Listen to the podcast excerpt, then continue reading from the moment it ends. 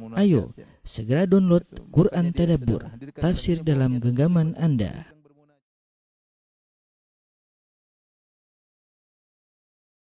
Bismillahirrahmanirrahim. Assalamualaikum warahmatullahi wabarakatuh.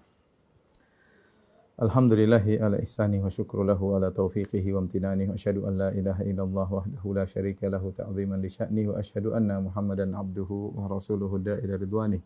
Allahumma salli alaihi wa ala alihi wa ashabihi wa ikhwani. Uh, ikhwan dan akhwat yang dirahmati Allah Subhanahu wa taala, uh, majelis taklim urologi ngaji ya, para dokter yang dirahmati Allah Subhanahu wa taala. Uh, kita melanjutkan bahasan kita tentang al-masail al-jahiliyah yaitu kebiasaan-kebiasaan orang-orang jahiliyah ya. Uh, sebagaimana sudah kita ingatkan di awal pengajian bahwasanya yang dimaksud dengan jahiliyah ini uh, berkaitan dengan uh, kaum musyrikin Arab ya. Kemudian juga berkaitan dengan ahlul kitab Yahudi Nasrani dan juga betapa sering Syekh Abdul Wahab menyebut tentang jahiliyah orang-orang terdahulu, jahiliyah dari umat-umat Nabi terdahulu ya. Uh, yaitu mereka memiliki kebiasaan-kebiasaan yang uh, melanggar syariat, yang melanggar syariat Islam ya. Oleh karenanya Nabi SAW datang dengan syariat yang menyelisihi kebiasaan-kebiasaan jahiliyah tersebut ya. Taib, uh, kita masuk pada permasalahan atau kebiasaan yang ketujuh, yaitu uh, kebiasaan orang jahiliyah uh, berdalil dengan uh, kekuatan atau kekayaan ya atau harta yang dimiliki seorang menunjukkan bahwasanya orang tersebut di atas kebenaran ya. Orang tersebut di atas kebenaran. Ya, jadi kalau ada orang berhasil sukses dalam dunia berarti dia benar. Yang tidak sukses dalam dunia berarti salah ya. Ini sering dijadikan dalil oleh orang jahiliyah.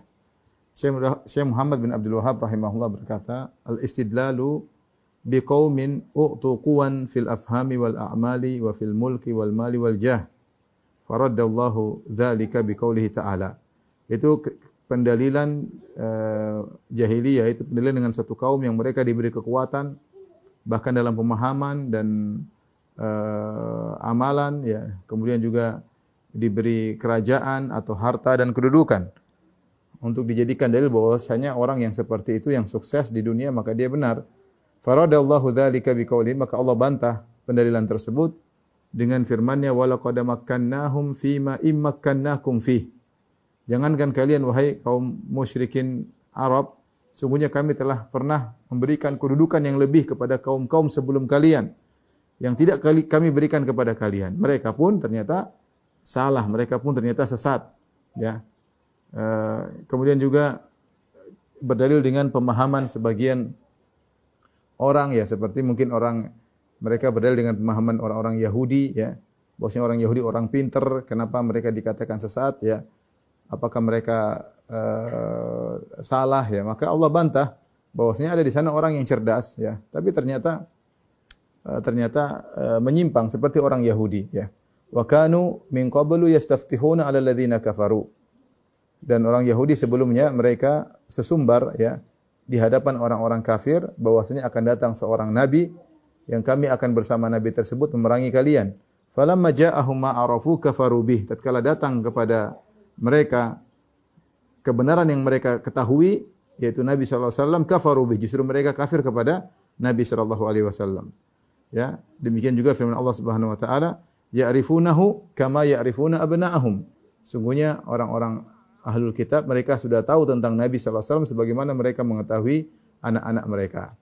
Inilah penjelasan dari Syekh Muhammad Wahab rahimahullahu taala ya.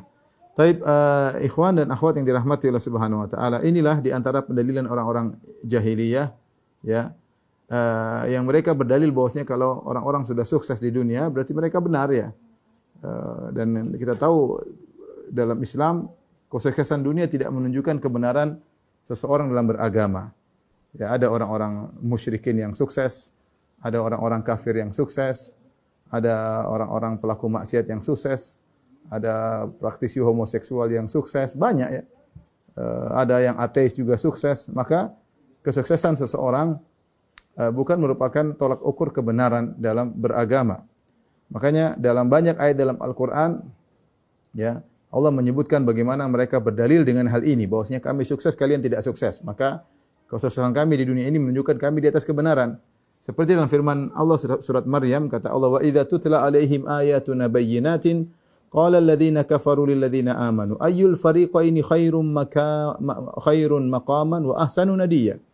Jika dibacakan kepada mereka ayat-ayat kami yang sangat jelas berkatalah orang-orang kafir kepada orang-orang yang beriman siapa sih di antara kita yang lebih bagus kedudukannya yang lebih baik tempat uh, ya lebih baik hartanya ya jadi mereka ingin membantah kaum muslimin dengan mengatakan coba bandingkanlah kami dengan kalian ya. Ya, ketika itu ketika Rasulullah SAW di uh, di Mekah ya orang-orang kafir Quraisy dengan begitu sombongnya sementara pengikut Nabi ya, ada orang-orang kaya tapi kebanyakannya orang miskin.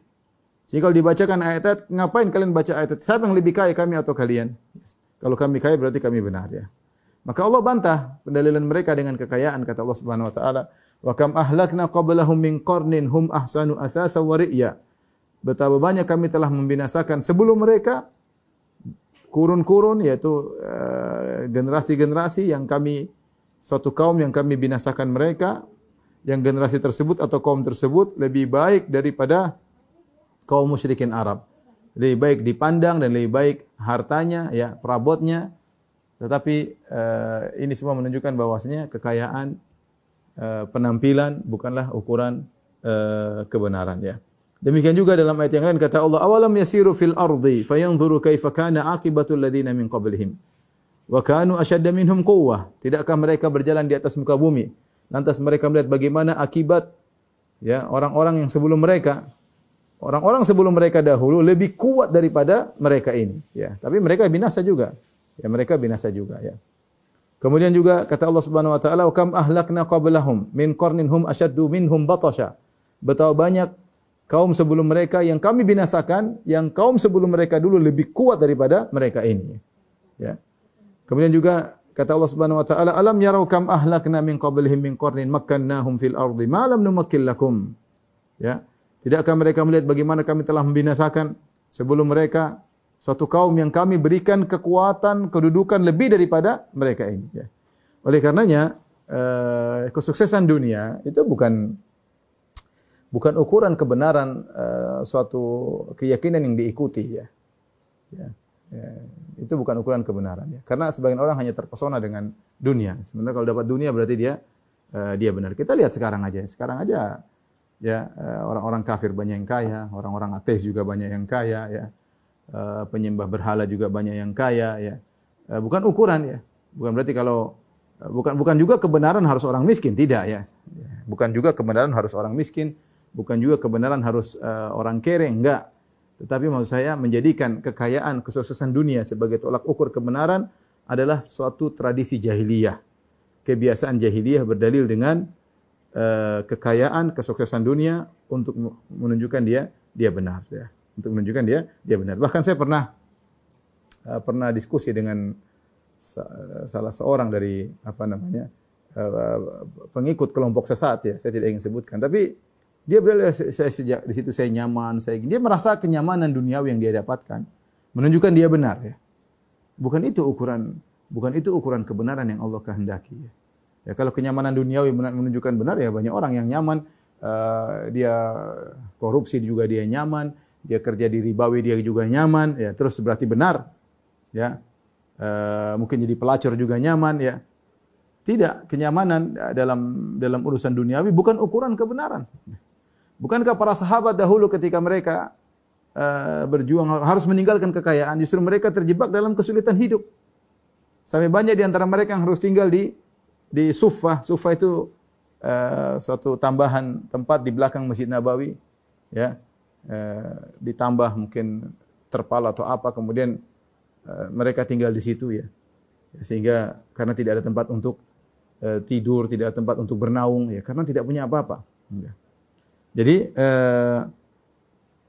tidak benar bahwasanya kesuksesan dunia merupakan ukuran kebenaran. Bahkan dalam banyak ayat Allah menyebutkan Allah membiarkan orang-orang yang sesat, orang-orang kaya, orang kafir justru semakin kaya, semakin berhasil tapi Allah akan binasakan mereka ya.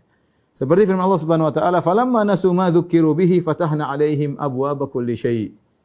Tatkala mereka meninggalkan apa yang mereka diingatkan, ya, mereka melupakan apa yang mereka diingatkan tentang ayat-ayat Allah, Mereka semakin parah. Fatahna alaihim abwaaba kulli syai. Kami bukakan bagi mereka segala pintu-pintu kebaikan, rizki dan yang lainnya. Hatta idza farihu bima utu. Tatkala mereka sudah bangga dengan apa yang mereka dapatkan dari perkara dunia, akhadnahum baktatan fa idahum mublisun. Tiba-tiba kami uh, hukum mereka dengan uh, dengan tiba-tiba kemudian akhirnya mereka menjadi putus asa, ya. Kemudian juga firman Allah Subhanahu wa taala yang istilah kita disebut dengan istidraj. Allah semak, Allah ulur, Allah biarkan ya semakin uh, semakin mereka terjumus dalam kesesatan, nanti Allah akan balas di dunia atau di akhirat. Makanya Allah mengatakan, "Wala tahsabanna Allah ghafilan amma ya'malu dhalimun. Innama yuakhiruhum liyaumin tashkhasu fihi al-absar." Ya. Jangan kau menyangka bahwasanya Allah lalai dari perbuatan orang-orang zalim. Sungguhnya Allah menunda hukuman kepada mereka nanti pada hari di mana mata-mata terbelalak. Kalau Allah balas mereka di dunia, oke. Okay. Namun betapa banyak orang yang zalim Allah tidak balas di dunia. Allah balasnya di akhirat. Ya. Kata Nabi SAW, Ida, uh, Ida arada Allah bi abdi khairan ajjala lahu al-uqubata fid dunya. Wa idza arada bi abdi syarran amsaka anhu hatta yuwafiya bihi yaumil qiyamah. Jika Allah menghendaki kebaikan pada seorang hamba, Allah beri uh, hukuman kepada dia di dunia, ya.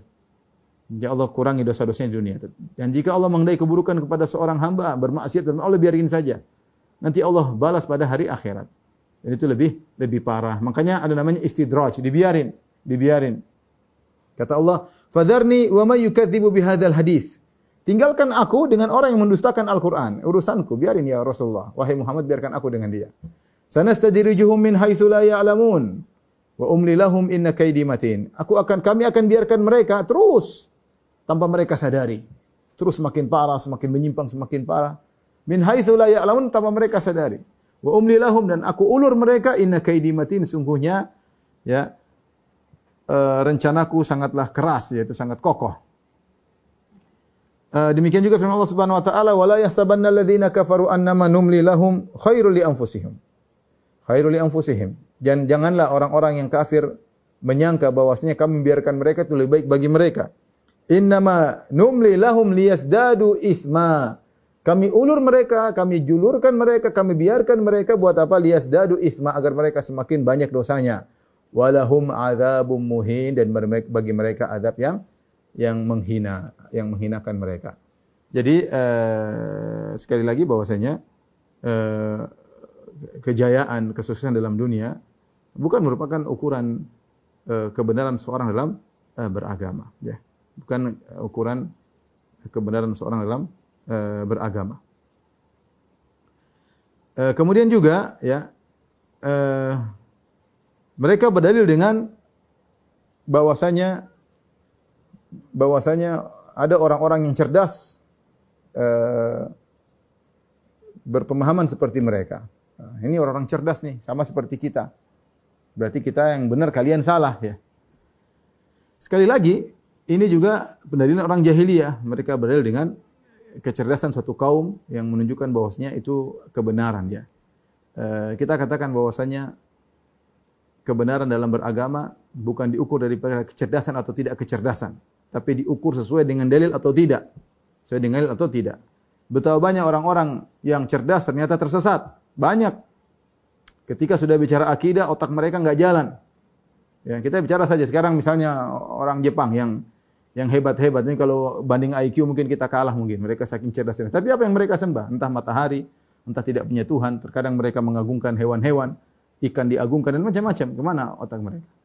Ya, lihat orang-orang Cina yang begitu mungkin eh, paling paling pinter kali zaman sekarang ya dengan kemajuan teknologi yang luar biasa yang mungkin menguasai dunia mungkin mengalahkan Amerika lihat apa yang mereka sembah berhala kalau sudah bicara akidah otak mereka nggak jalan kalau kita bilang itu mereka IQ-nya bagus berarti benar Ya berarti kita ikut orang Cina atau ikut orang Jepang. Lihat orang orang-orang India ya, yang otaknya cerdas ya. Mungkin katanya pintar-pintar IT, tapi yang mereka sembah sapi. Gimana? Akidah otak mereka nggak jalan. Ya, jadi masalah kebenaran bukan diukur dari ini cerdas, ini enggak cerdas, ya. Tapi dilihat sesuai dengan dalil atau tidak. Ya, bahkan kita tahu ada orang-orang cerdas, sudah tahu kebenaran dia tidak mau ikut. Kenapa? Karena ada ke, karena karena ada keinginan duniawi ada kepentingan duniawi sehingga dia harus meninggalkan kebenaran, meninggalkan al-haq. Makanya Syekh Muhammad Wahab rahimahullahu taala membawakan dalil tentang orang-orang Yahudi. Orang Yahudi mereka cerdas ya. wa anni faddaltukum alal alamin. Dalam Al-Qur'an Allah sebutkan bahwasanya Allah memuliakan Yahudi di atas bangsa-bangsa yang lain di zamannya. Orang Yahudi adalah bangsa terbaik di zamannya. Sampai datang bangsa Arab kemudian mengungguli mereka. Ya, ada Nabi Muhammad SAW. Tapi sebelum itu Yahudi adalah bangsa yang terbaik. Oleh karenanya para nabi diutus mereka dan mereka cerdas. Sampai sekarang mereka cerdas. Tapi apakah kecerdasan yang mereka miliki menjamin mereka di atas kebenaran? Jawabannya tidak. Ya. Mungkin mereka tahu kebenaran tapi mereka tinggalkan ya. ya. Hidayah di tangan Allah Subhanahu wa taala. Makanya Allah sebutkan ayat tentang orang Yahudi. Kata Allah Subhanahu wa taala, "Wa kanu min qablu yastaftihuna 'ala alladziina kafaru." Mereka orang Yahudi dahulu uh, sebelum datang Nabi Muhammad sallallahu alaihi wasallam, mereka selalu sumbar, mereka berkata kepada orang musyrikin, nanti akan datang seorang nabi terakhir yang kami akan beriman dengan nabi tersebut dan kami akan memerangi kalian wahai orang musyrikin. Falamma ja'ahum ma arafu kafaru bih. Ya. Tatkala datang apa yang mereka tunggu-tunggu yang mereka kenal, justru mereka mengingkari nabi tersebut. Kenapa? Hasadan min indi anfusihim. Karena mereka hasad. Padahal mereka kenal nabi seperti kenal anak-anak mereka. Kata Allah Subhanahu wa taala, "Alladzina atainahumul kitaba ya'rifunahu kama ya'rifuna abna'ahum." Orang-orang yang diberikan Alkitab yaitu Yahudi, mereka mengenal Muhammad sebagaimana mereka mengenal anak-anak mereka. Mereka kenal betul Rasulullah sallallahu alaihi wasallam.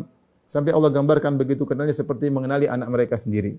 Ya kita kalau punya anak kita kenal betul fisiknya bagaimana, ciri-cirinya bagaimana, hobinya apa, mainnya ke mana, teman-temannya siapa. Kira-kira demikian. Mereka tahu Muhammad cirinya bagaimana.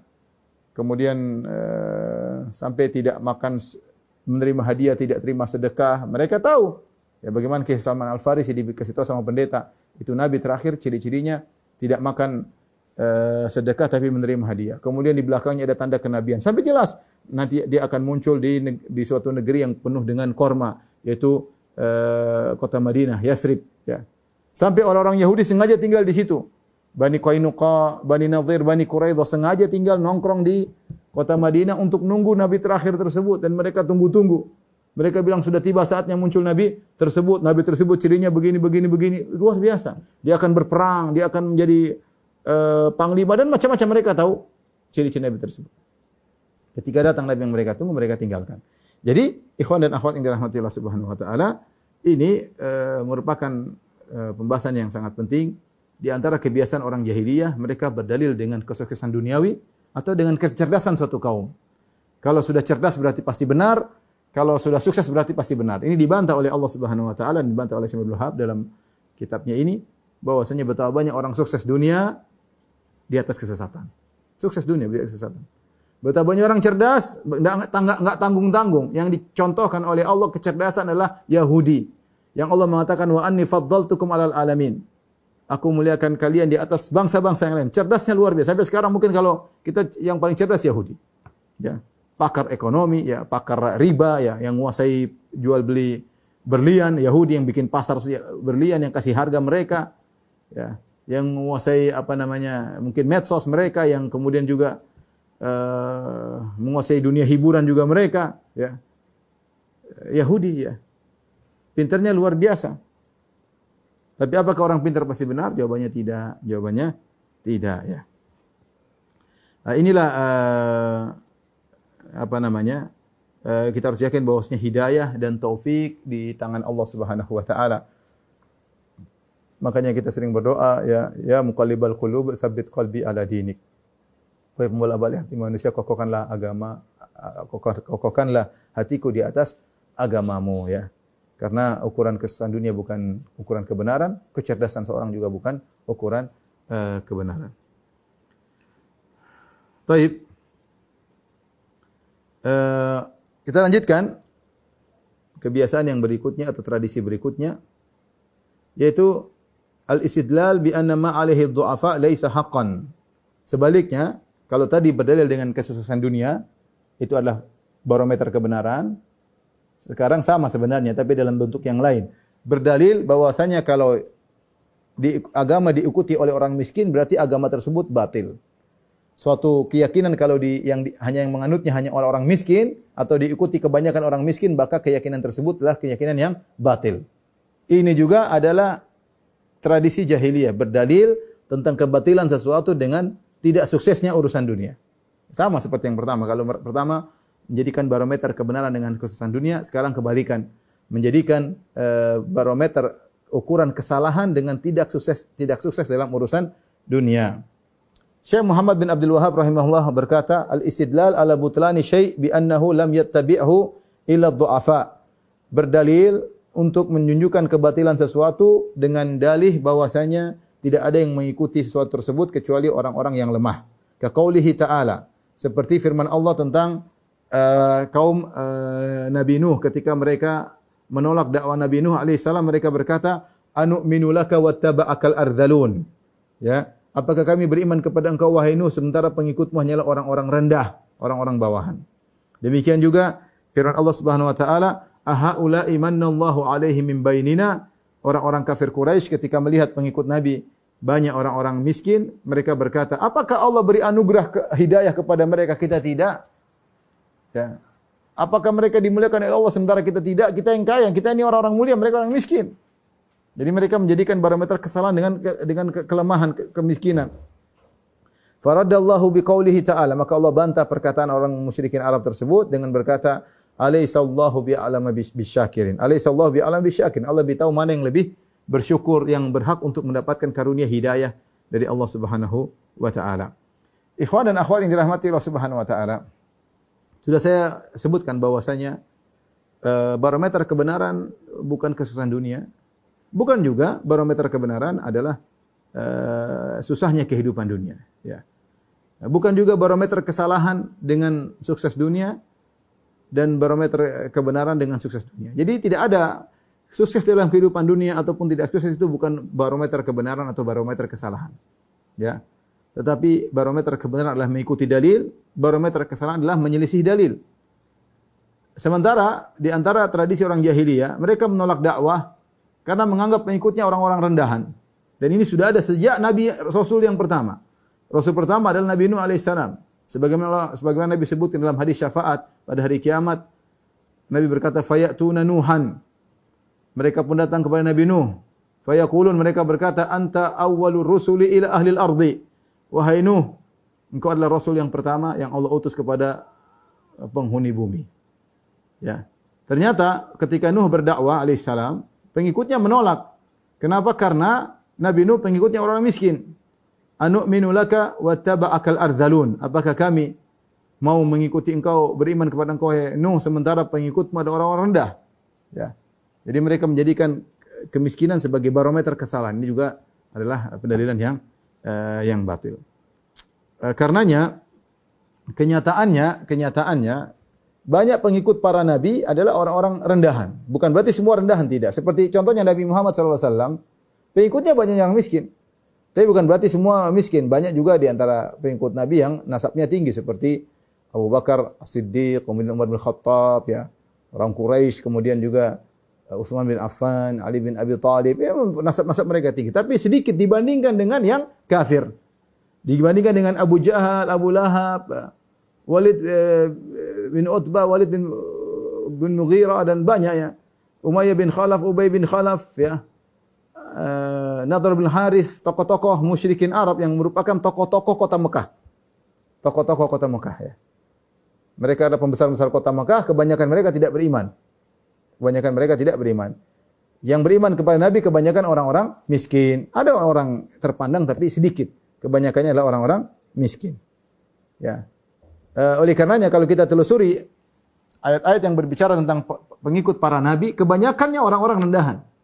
Kebanyakan orang rendahan. Baik dari sejak zaman Nabi Nuh, seperti tadi ayatnya. Anu minulaka wa taba'akal ardhalun. Apakah beriman kepada engkau wahai Nuh sementara pengikut orang rendah? Ya. Demikian juga ayat yang lain kata mereka wa man naraka taba'aka illa hum aradhiluna. Dan kami melihat tidak mengikuti engkau wahai Nuh kecuali aradhiluna orang-orang rendahan di sisi kami. Ya, orang rendahan di sisi kami. Nabi Nuh kemudian kaum saleh juga demikian. Ya.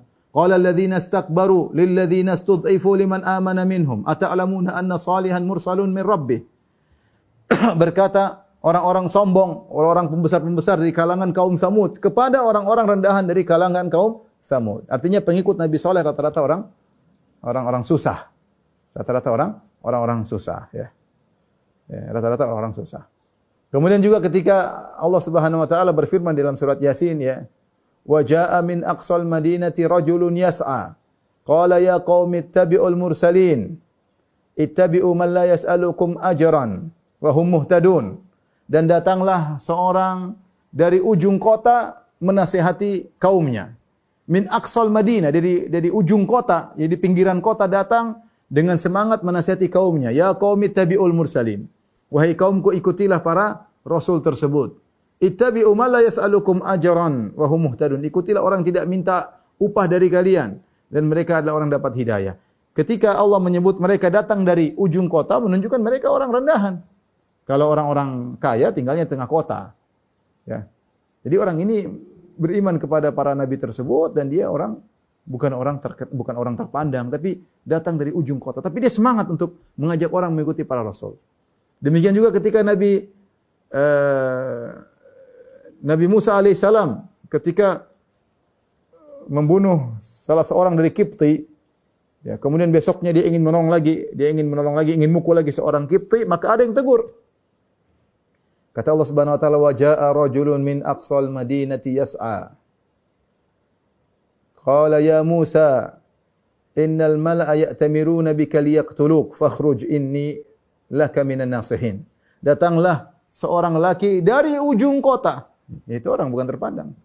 Dia datang beriman kepada Nabi Musa, dia berkata, "Wahai Musa, sungguhnya orang-orang Firaun sedang berkumpul untuk bunuh engkau. Mereka lagi rapat bunuh engkau. Pergilah, aku nasihati engkau agar kau selamat." Ya. Jadi mengikut para nabi memang orang miskin rata-rata. Orang miskin. Makanya demikian juga ketika Nabi berdakwah kepada orang-orang kafir Quraisy, maka orang kafir Quraisy kasih syarat, "Wahai Muhammad, kalau kau ingin kami beriman, itu orang miskin usir semua dulu. Kami tidak pantas duduk sama mereka. Usir mereka baru kami akan beriman. Makanya Allah turunkan ayat ya. Wala tatrudil ladzina yad'una rabbahum bil ghadati wal wajhah. Ya. Dalam surat Al-An'am, demikian juga dalam surat Al-Kahfi, Allah turunkan ayat. Kata Allah, janganlah kau usir orang-orang yang berdoa kepada Rabb mereka di pagi hari dan di sore hari dan mereka mencari wajah Allah Subhanahu wa taala. Ya. Meskipun mereka miskin, jangan ikuti orang kaya tersebut. Ya. Wasbir nafsaka ma'al ladzina yad'una rabbahum bil ghadati wal yuridu wajha. Wala ta'du aynaka anhum tirudi zinatal hayatad dunya dalam surat Al-Kahfi. Kalau tadi surat surat Al-An'am yang saya baca selanjutnya adalah surat Al-Kahfi.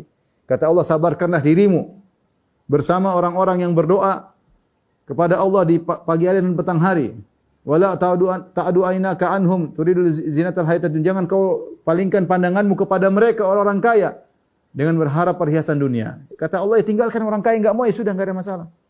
Tinggalkan mereka. Ya. Jangan ikuti kemauan mereka yang mereka mengatakan Muhammad kalau kamu ingin aku kami beriman itu orang miskin tinggalkan. Enggak. Kenyataannya benar pengikut Nabi rata-rata orang miskin. Ya, rata-rata orang orang miskin.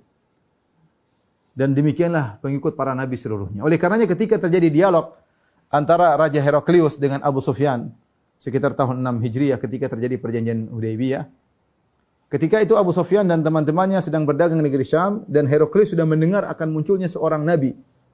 Dia tahu dengan ramalan dan macam-macam yang ilmunya. Maka dia tahu telah muncul nabi yang terakhir yang ini nanti-nantikan. Dan kemungkinan nabi tersebut dari Arab. Ya. Maka dia panggil dan dia sudah dengar tentang Muhammad sallallahu alaihi wasallam, maka dia panggil Abu Sufyan dengan rombongan. Jadi mengatakan siapa yang paling dekat nasabnya dengan Muhammad? Kata Abu Sufyan saya. Maka kemudian diinterogasi oleh Raja Heraklius, ditanya-tanya pertanyaan-pertanyaan yang menyelidiki apakah inilah nabi yang kami tunggu atau tidak ya.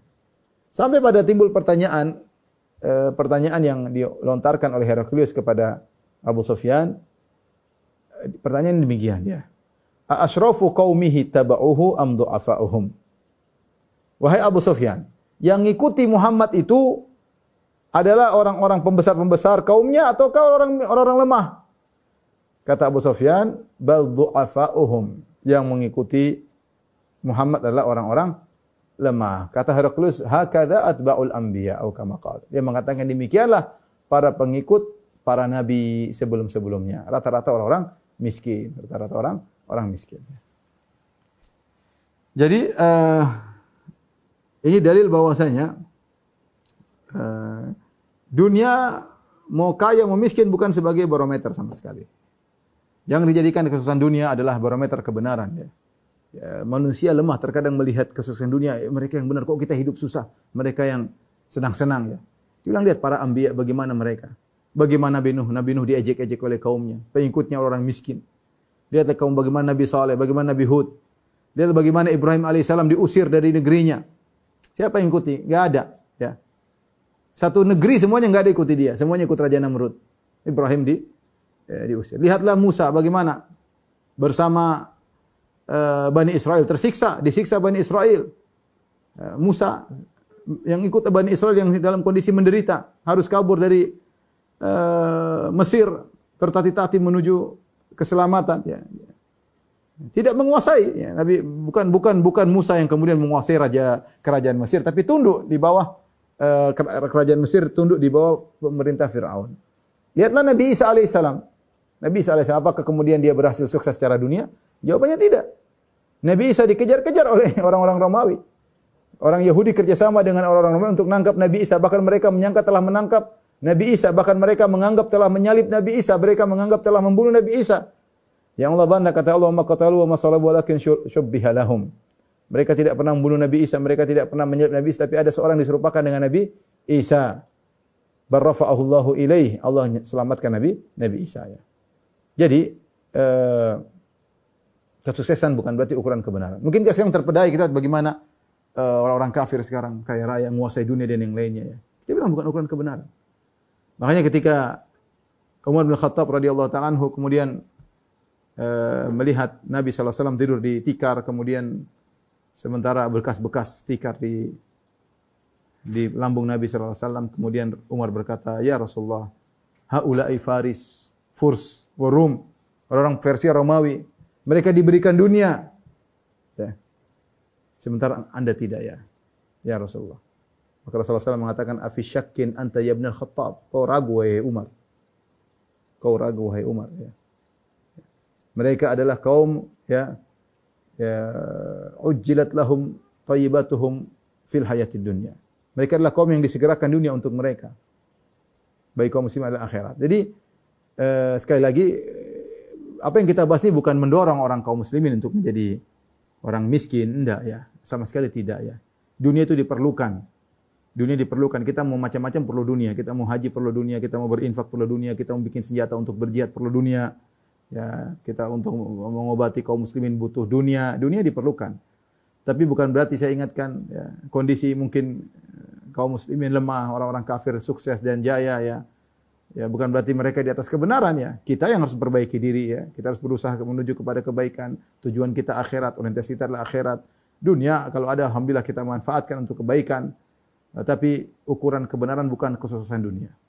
Kalau ukuran kebenaran kesuksesan dunia maka orang-orang kafirlah mereka yang sukses. Justru banyak di antara mereka kafir, ateis ya, mungkin praktisi uh, penggeliat uh, homoseksual dan yang lainnya, tapi Allah kasih istidraj. Allah berikan mereka kenik kenikmatan yang nanti Allah akan balas pada hari akhirat kelak.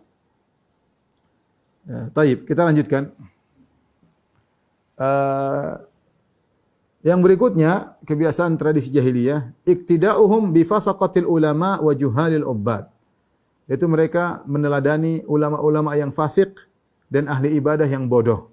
Ya, ulama yang fasik dan ahli ibadah yang bodoh.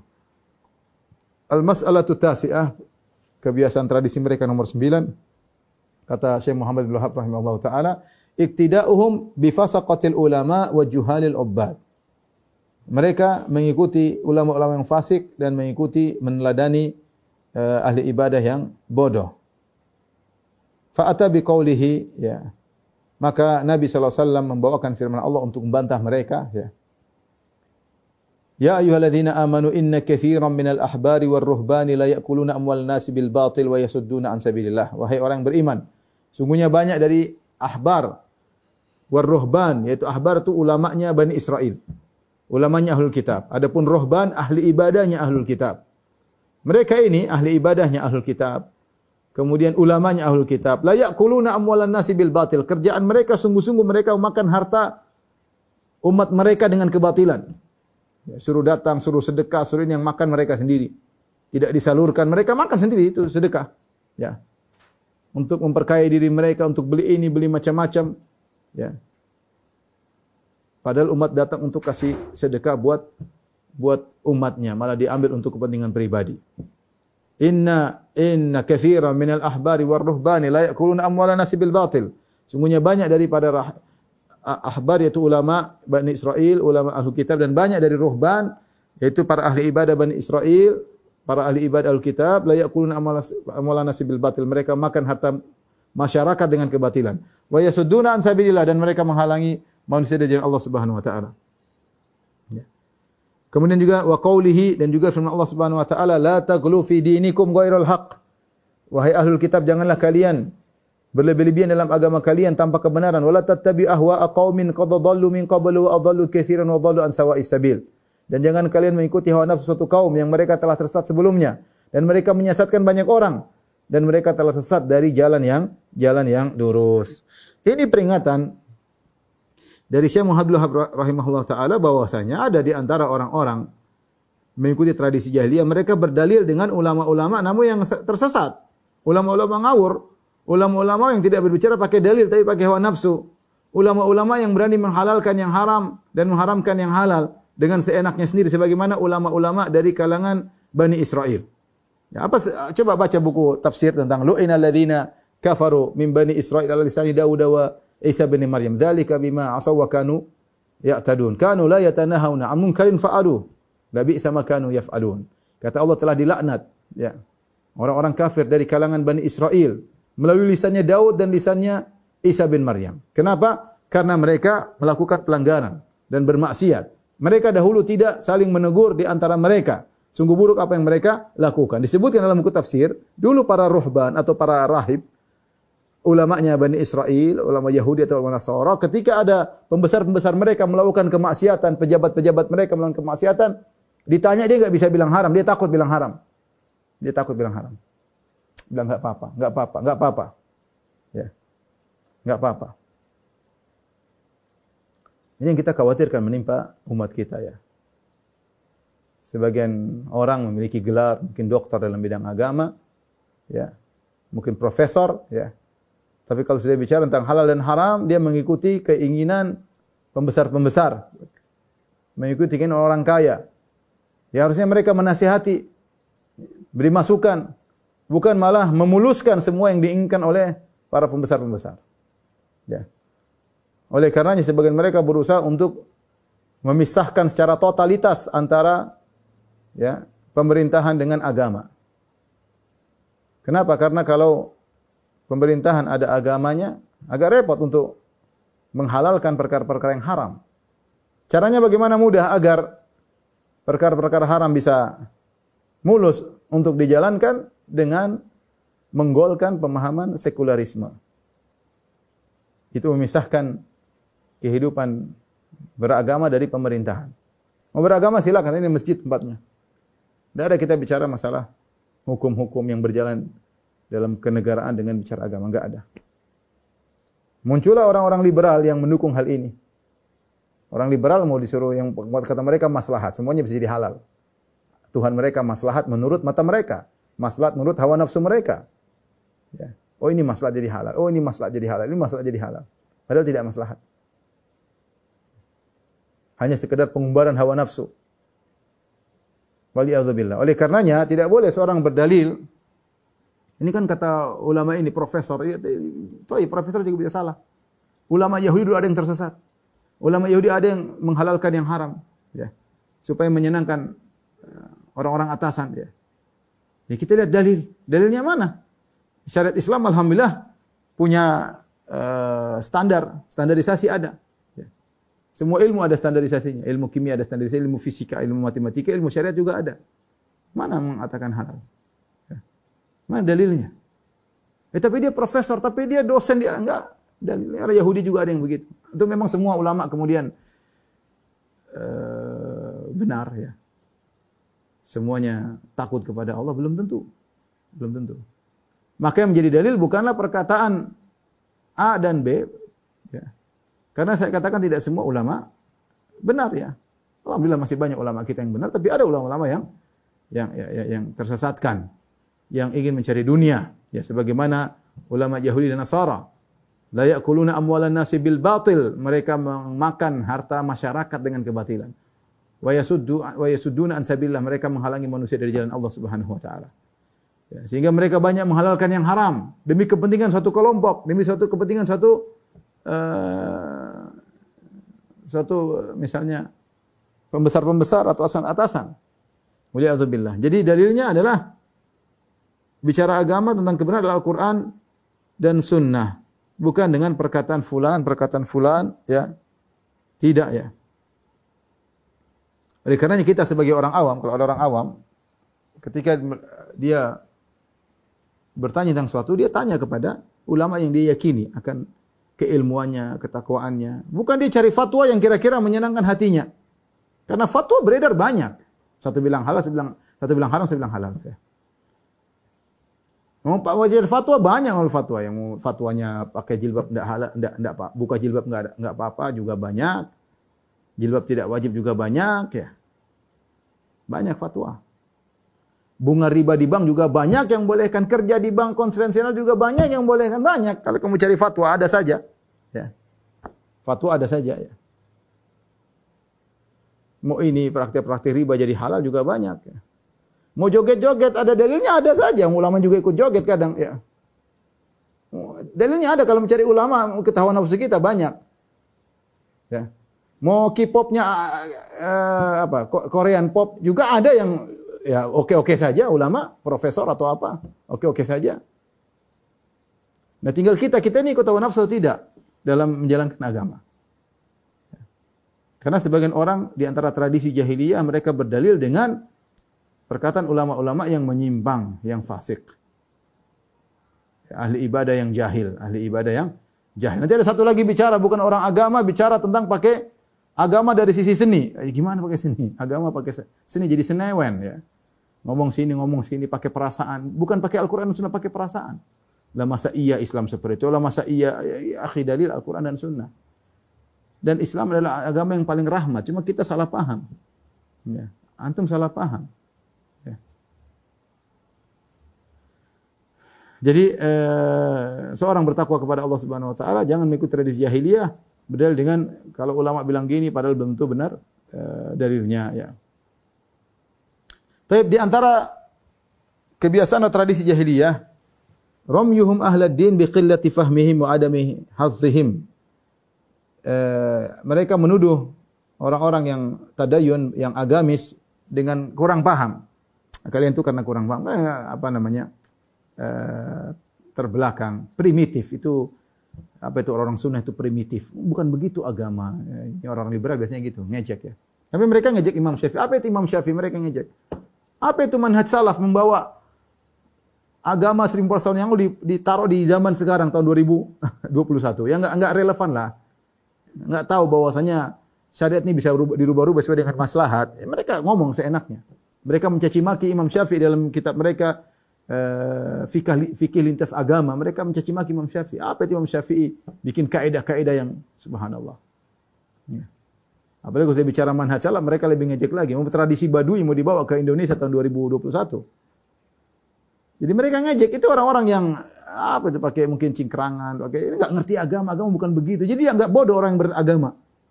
Itu sudah kebiasaan orang jahiliyah dahulu. Dia pikir bahwasanya para ulama yang bahas tentang masalah hukum-hukum ini orang para ulama tidak punya ilmu, mereka punya ilmu. Mereka menguasai usul fikih, mereka menguasai ilmu bahasa, mereka menguasai ilmu usul tafsir, mereka ahli hadis, mereka ahli fikul waqi, mereka ahli segalanya. Mereka bikin hukum dengan ketakwaan. Taib, ini kebiasaan orang jahiliyah dahulu. Istidlal ala butlani din bi qillati afhami ahlihi wa adami hadzihim ka qaulihim. Pendalilan untuk menyatakan kebatilan sesuatu dengan dalil bahwasanya orang tersebut kurang pemahamannya. Ini seperti perkataan kaum Nabi Nuh kepada kepada uh, pengikut Nabi Nuh. Wa ma naraka taba'aka ila alladhina hum aradhiluna badiyar ra'yi. Ya. Kata mereka, kami melihat tidak ikut engkau wahai Nuh kecuali orang-orang rendahan di antara kami, badiyar ra'ya itu cepat membenarkan, tidak mikir-mikir dulu. Beda dengan kita, kita mikir dulu, kita timbang-timbang dulu. Ada pun pengikut engkau wahai Nuh itu baru dengar langsung ikut, langsung ikut ya. Latah, ngikut-ngikut aja. Ya, orang sunnah seperti itu. Tapi manhaj salaf, latah, enggak ngerti mereka. Kita ini sudah belajar filsafat, belajar filsafat Yunani, kita sudah belajar orientalis, wah kita ini, wah, apalagi orang liberal-liberal itu merasa pinter-pinter ya. Luar biasa. Berarti buku isinya bohong-bohong mereka. Ya, saya sering sampai saya sering saya bilang orang-orang liberal itu pembohong. Karena disertasi saya bahas buku mereka dan mereka pembohong, pembohong. So ilmiah, so akademisi ternyata pembohong. Melintir perkataan ulama sana sini, potong sana sini, tafsirkan ngawur.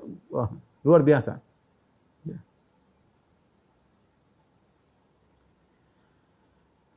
Uh, itulah uh, di antara sikap mereka uh, merendahkan orang-orang yang yang yang berada di atas agama dengan mengatakan jumud, kemudian tidak ngerti tidak ngerti kias, tidak ngerti uh, apa namanya maslahal mursalah, kemudian uh, tidak mengerti misalnya maqasidu uh, syariat. Ya, siapa bilang? Ini ulama yang bahas mereka ngerti semua. Enteng tidak ngerti baru belajar. Kemudian orang-orang yang berusaha memegang teguh dengan uh, agama dianggap orang rendahan, orang tidak ngerti.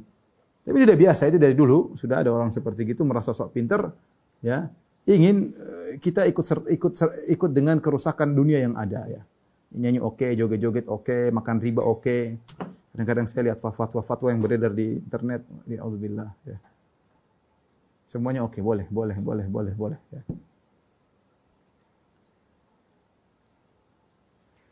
Taib. Eh, selanjutnya, ya, di antara tradisi mereka yang merupakan tradisi jahiliyah adalah berdalil dengan kias yang al-fasid, dengan kias yang rusak, kias yang tidak tepat.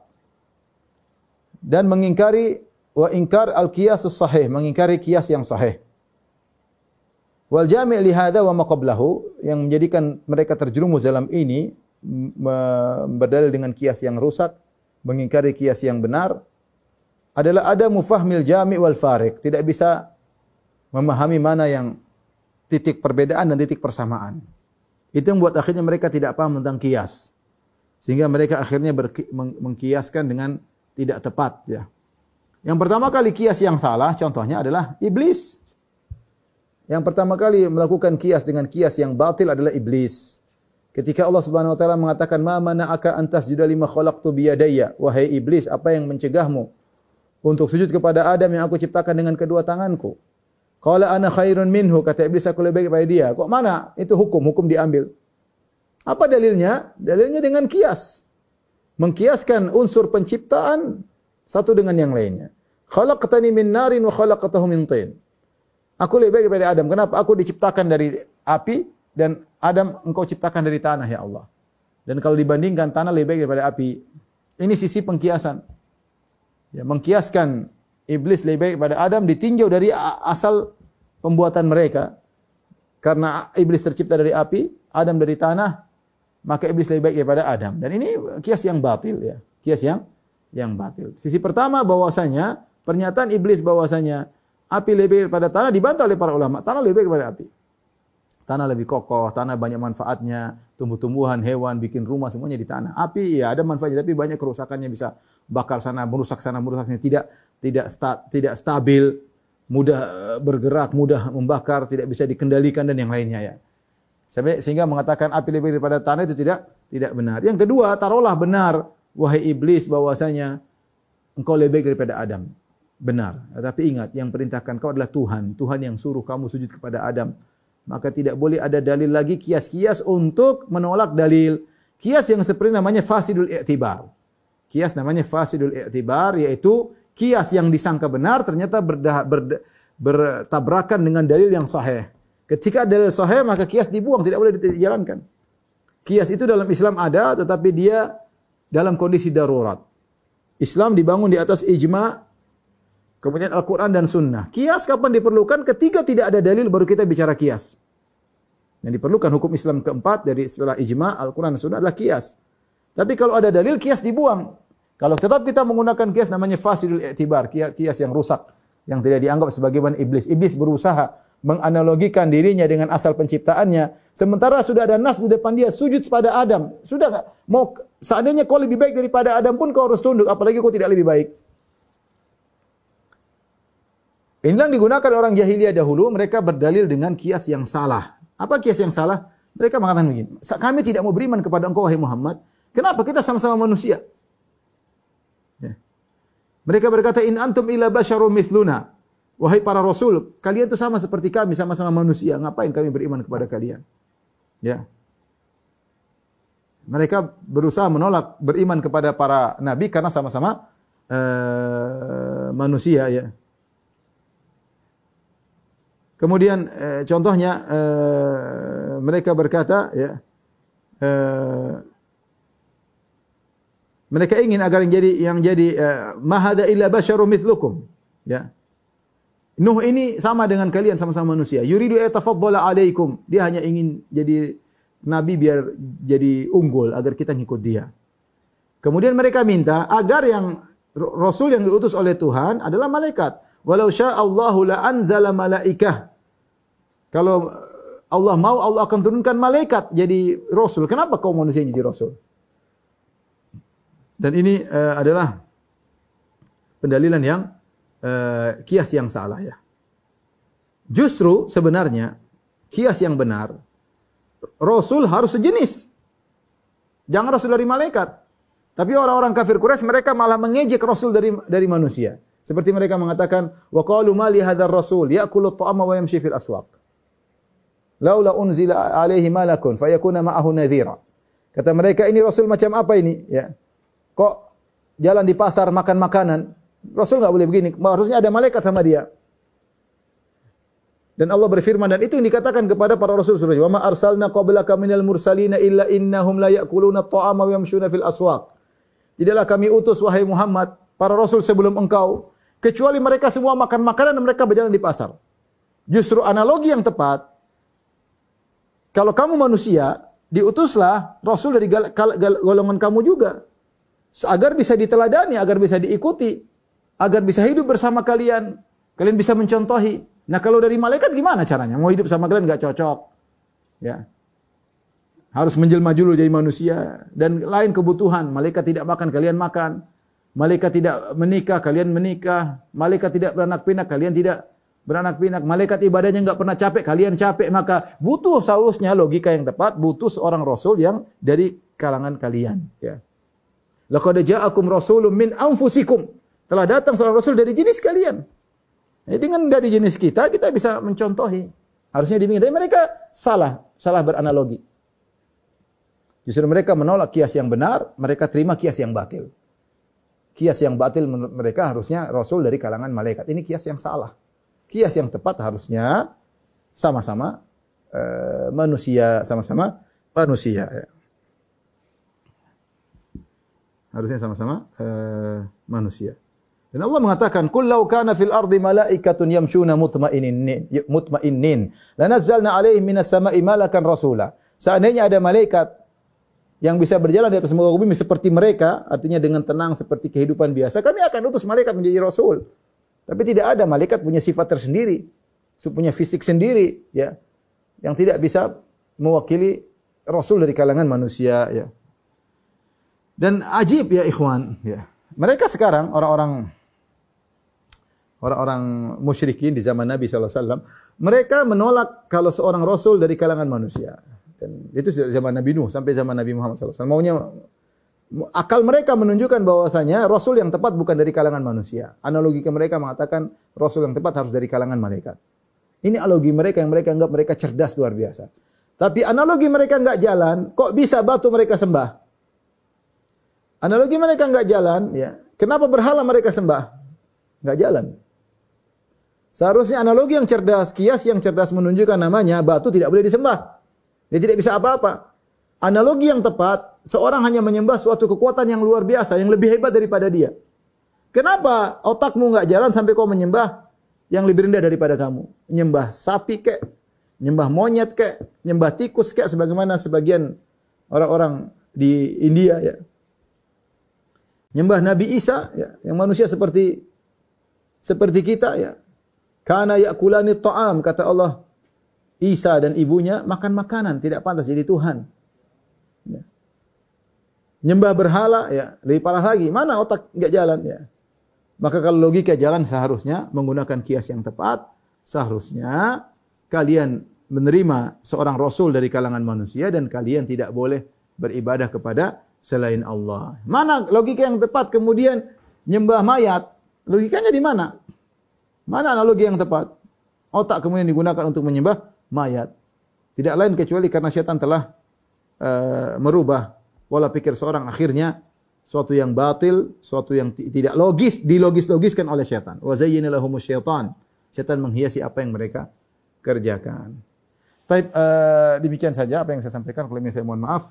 Uh, Subhanakallah bihamdik asyhadu an la ilaha anta wa. Assalamualaikum warahmatullahi wabarakatuh.